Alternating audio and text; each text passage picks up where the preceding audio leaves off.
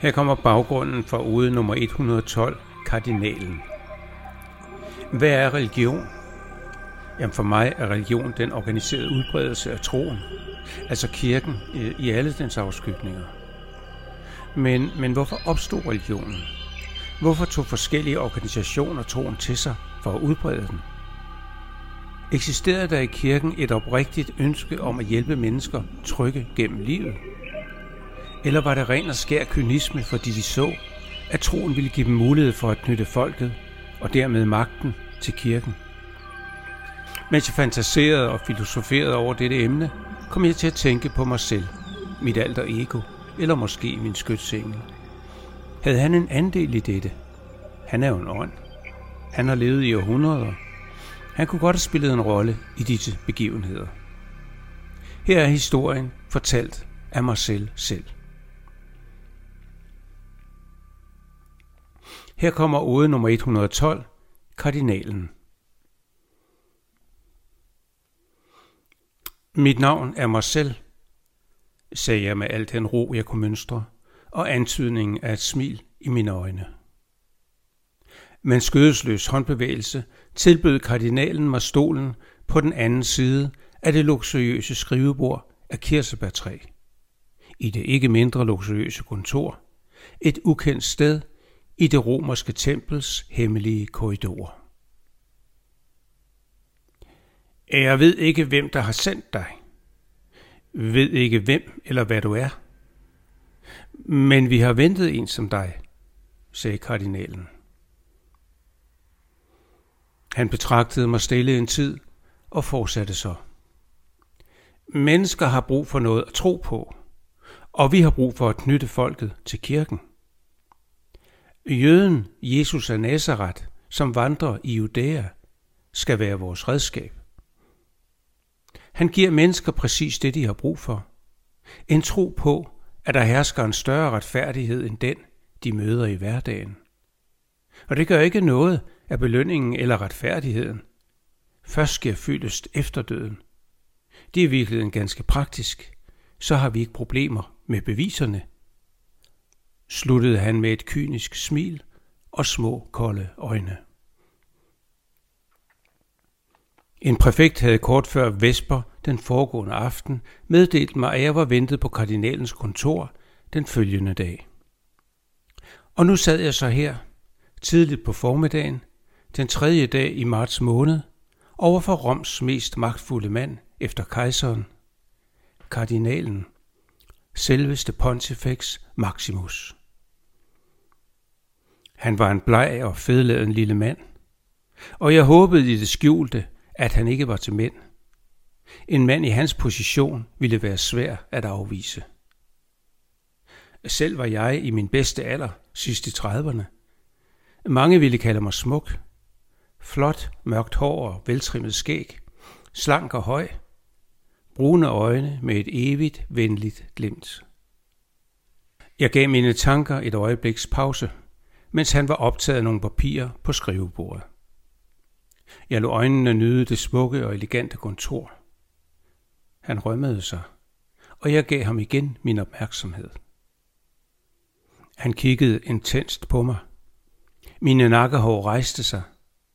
Jeg fornemmede mere end et strejf af grusomhed i hans karakter.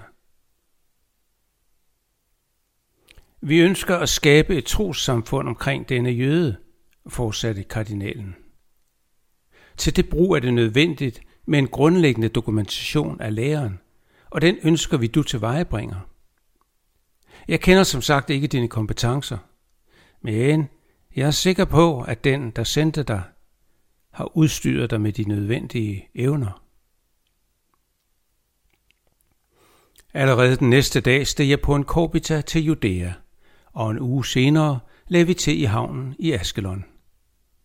Jeg hyrede en fører med kære og to æsler og fortsatte min rejse mod Jerusalem. Tre dage senere ankom vi til byen en sen aften, og jeg fik en seng i et firmandsrum i et lille herberg. Dagen efter forhørte jeg mig hos verden om jøden Jesus af Nazareth. Han fik, hvad han fortjente, svarede verden. Han blev korsfæstet for fem dage siden. Jeg mærkede min mission smuldre mellem fingrene. Død. Den eneste kilde til fuldførelse af min mission. Død. Jeg håber, de også får fat på hans såkaldte disciple, fortsatte verden. De fortjener også en tur på korset. Jeg øjnede en mulighed. Disse disciple kunne måske forklare mig troens grundregler, så jeg kunne rapportere tilbage til Rom som aftalt. Jeg hedder Simon Peter, sagde den milde mand, som jeg fandt frem til i min søgen efter disciplene. Vi er på vej til Jesus grav ved Golgata. Du er velkommen til at følge med, så kan jeg fortælle dig om troen undervejs. Nogle af de andre var kommet før os, og der var stor opstandelse. Stenen, der skulle dække graven, var væltet, og graven var tom. Disciplene var fortvivlede. Jeg trak mig lidt væk fra de andre, og pludselig mærkede jeg en voldsom kraft overmande mig. Alting svimlede, og jeg satte mig på en stor sten. Dit navn skal være Paulus, hørte jeg en stemme sige, og jeg var klar over, at den tilhørte den genopstandende Gudesøn. Jeg vil fylde dig med al den viden, du har brug for, så du kan sprede mit og faderens budskab. Og jeg mærkede, at jeg fyldtes, som en karaffel, der holdes under vandpumpen. Og jeg vidste, at sønnen og faderen var med mig. Jeg faldt på knæ, øjnene fulde af tårer.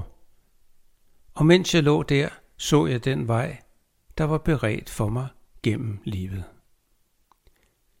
Min lod var at nedskrive troen for kommende generationer. Jeg mærkede glæden inde i, da jeg indså, at jeg nu kunne opfylde såvel Guds som kardinalens ønske til mig.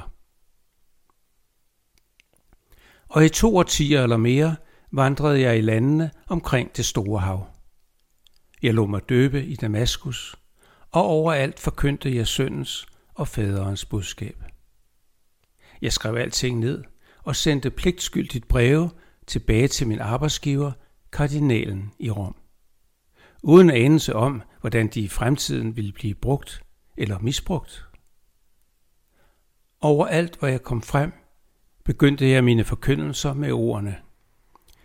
Mit navn er Paulus, forkynderen og notaren Paulus.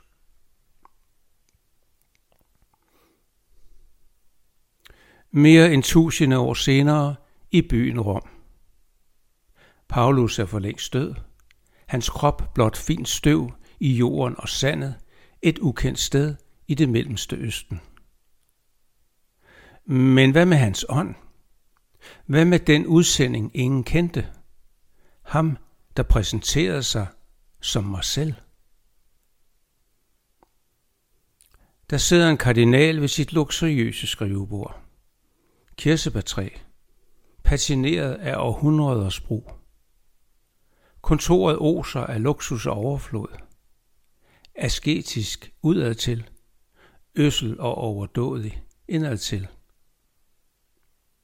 Han er en smuk mand, slank og høj, mørkt hår med let grånende tændinger, en smukt formet mund og et venligt lille smil i de brune øjne. Gennem århundreder havde kirken cementeret sin magt, straks sine fangearme langt ind i landenes politiske og økonomiske ledelser, hersket og delt gennem en blanding af trusler og korruption. En stat i staten. Asketisk udadtil. Øssel og overdådig indadtil. I hundredvis af år var pengene rullet ind, og i alle perioder havde formuerne været langt vigtigere end troen og budskabet. Magten var målet, pengene delmålet, og menneskene og deres tro blot midlet. Uhyrligheder var foregået i kirkens navn, korstogene til det hellige land, hekseafbrændinger på tvivlsom grundlag, for ikke at tale om missionærer, der glemte næstekærlighed og rummelighed på bunden af rejsekufferten. Kardinalen bladrer forsigtigt, næsten kærligt, i nogle gamle dokumenter, opbevaret i kirkens bibliotek i århundreder. Breve, sirlig håndskrift på skrøbeligt pergament og den velkendte hilsen, forkynderen og notaren. Ordene skaber billeder for hans indre blik. Stederne, duftene, lydene. Han fornemmer det hele så klart som dengang. Gjorde disse breve noget godt for verden, tænker han. Det troede jeg, det ville. Det var derfor, jeg forkyndte søndens og faderens budskab, så sandt som mit navn er mig selv.